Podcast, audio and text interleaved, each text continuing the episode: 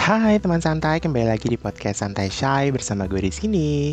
Podcast yang membicarakan segala hal dengan santai, tapi jangan terlalu santai, takutnya keblinger.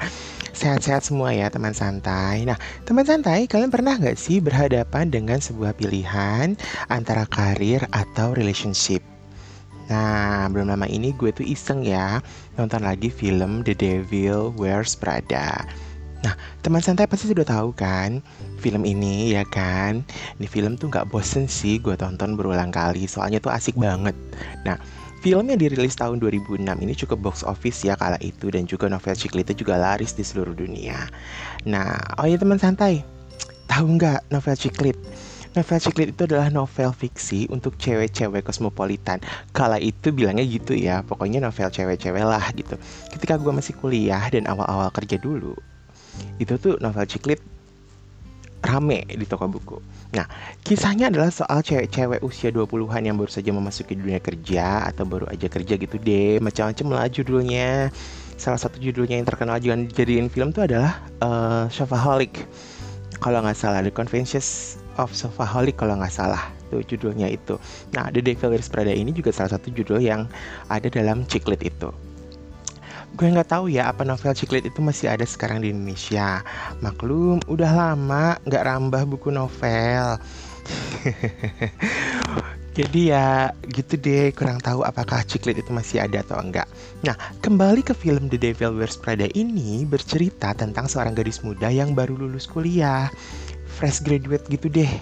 Nah dia itu lulus dari jurusan uh, jurnalis gitu dan bercita-cita bekerja pada sebuah koran di New York. Jadi sebuah harian gitu di New York yang terkenal entah New York Times apa New York Mirror kayak gitu deh gitu. Pokoknya terkemuka lah di New York. Nah, gadis ini tuh bernama Andrea Sachs. Kebetulan dalam film ini diperankan oleh Anna Hathaway.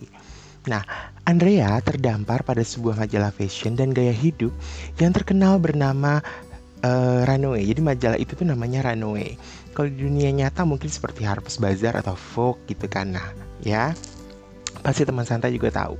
Nah, kebetulan pimpinannya dari majalah Runway ini adalah Miranda Priestley yang diperankan oleh Meryl Streep. Ya, Andrea yang tidak fashionable ini memang harus berjuang tuh teman santai untuk bisa menyesuaikan diri dengan pola lingkungan di majalah fashion ternama itu gitu gaya hidup super stylish dan fashionable yang jauh dari kehidupan dia yang sebenarnya.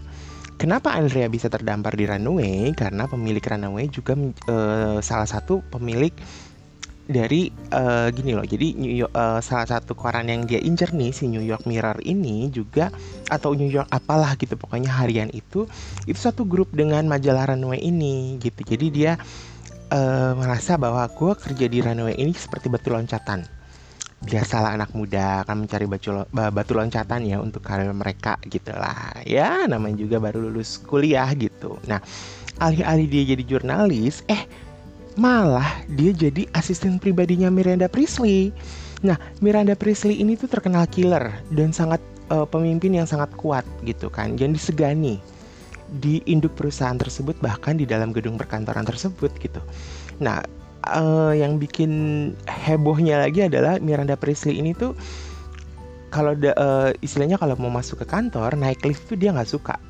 Di lift itu tuh ada orang lain. Jadi kadang-kadang ada orang yang dari gedung kantor itu tuh satu lift sama dia tuh pasti mereka keluar gitu. Jadi membiarkan Miranda Priestley ini dalam lift seorang diri gitu. Kayaknya emang Miranda ini eh, nggak uh, suka gitu pokoknya dengan uh, satu lift dengan orang lain. Ya namanya juga ibu bos gitu. Nah pada intinya Andrea ini, terlalu sibuk gitu dengan uh, kerjaannya. Jadi mengurusi semua kemauan bosnya si uh, Miranda Priestley ini gitu. Jadi si Miranda Priestley ini banyak mau gitu. Namanya juga bos. Balik lagi. Sampailah dia dihadapkan dengan kesempatan emas yang akan dia peroleh dengan bekerja pada surat kabar grup Runaway itu Hmm, tapi syaratnya dia harus ikut Miranda Priestley ke Paris untuk urusan bisnis dan beberapa pekerjaan yang diurusi di Paris gitu untuk beberapa waktu. Dan kalau nggak salah waktunya itu tuh tidak sebentar gitu. Dan Mira uh, si Andrea ini akhirnya harus meninggalkan pacarnya Ned di New York gitu. Nah, Ned sendiri tuh merasa bahwa Andrea tuh berubah sejak kerja di Runway dan punya bos kayak Miranda Presley ini gitu kan. Melewatkan beberapa momen-momen penting seperti hari ulang tahun terus melewatkan banyak momen bersama sahabat-sahabatnya kayak gitu-gitulah gitu. Jadi uh, pacarnya ini cukup kecewa dengan uh, pola kerjanya si Andrea ini di, di majalah Runway ini gitu. Tapi ke Paris ini adalah kesempatan Andrea untuk mendapatkan karir yang dia inginkan pada akhirnya Andrea memilih Paris dan dia sempat ribut dengan Ned dan akhirnya mereka break up. Ya udahlah ya kalau teman santai udah nonton pasti udah tau lah endingnya gimana. Secara film itu kan udah 14 tahun yang lalu tuh dirilis ya kan? Nah teman santai kalian pernah nggak ngadepin kayak Andrea Sachs kayak gini nih? Bukan urusan sama bos kayak Miranda Priestley ya Tapi soal memilih karir atau relationship kalau urusan sama bos kayak Miranda gini, kalau bisa didoain aja tuh bosnya. Kadang kekuatan doa tuh dahsyat teman santai. ya kan? Nah, anyway, kalau gue punya pendapat nih ya, no offense ya teman santai ya. Jadi kalau sekarang ditanya mau milih relationship atau karir, gue akan menjawab dengan mantap adalah karir. Kenapa? Gue lebih butuh itu sekarang dalam hidup kita kan punya skala prioritas teman santai. Buat gue skala prioritas itu sekarang adalah karir. Kalaupun ada sebuah relationship yang sedang gue jalani ya nggak ya pokoknya suka nggak suka pasangan gue harus terima itu gitu kan. Terdengar egois ya teman santai ya tapi super realis, super realistis lah gitu maksudnya. Kenapa gue bilang super realistis ya karena gue butuh itu. Gue jujur butuh sesuatu yang menghasilkan saat ini lah, emang relationship nggak menghasilkan? Menghasilkan apa? Terkadang relationship juga cukup mengganggu karir dan urusan lain juga sih teman santai Kalau itu menurut gue gitu Nah mending gue milih sekolah lagi Karena sekolah mendukung karir Ya nggak? Ya kan? Ya dong Nah sekali lagi menurut gue nggak harus pendapat kok sama gue teman santai nggak usah emosi ya kalau dapat pasangan yang bisa support kalau enggak, bukan nambah puyeng tuh urusan. Ya kan? Nah, pasti banyak orang kalau ditanya karir atau relationship pasti banyak yang jawab pengennya dua-duanya bisa berjalan beriringan. Tapi dalam hidup terkadang kita tuh harus memilih gitu. Kalau gue lebih baik memilih karir dan keluarga ketimbang relationship sama pacar. Ya, banyak kasus yang terjadi nih. Karirnya mandek karena pasangan atau pacar. Entah itu pasangannya yang uh, agak manja atau ketergantungan banyak mau bucin posesif atau menjalin toxic relationship.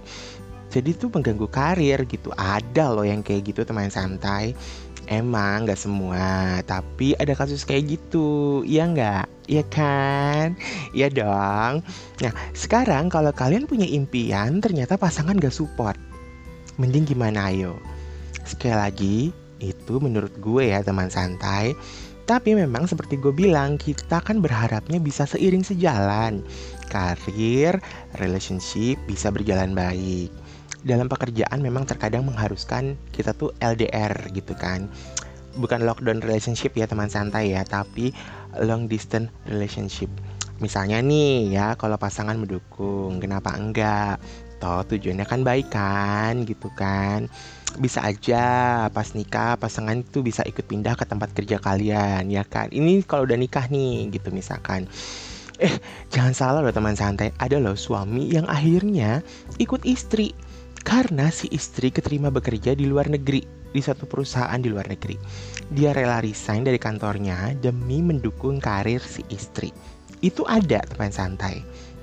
Dan akhirnya suaminya itu ambil sekolah lagi di negara tempat istrinya kerja dan suaminya itu bisa kerja juga di sana.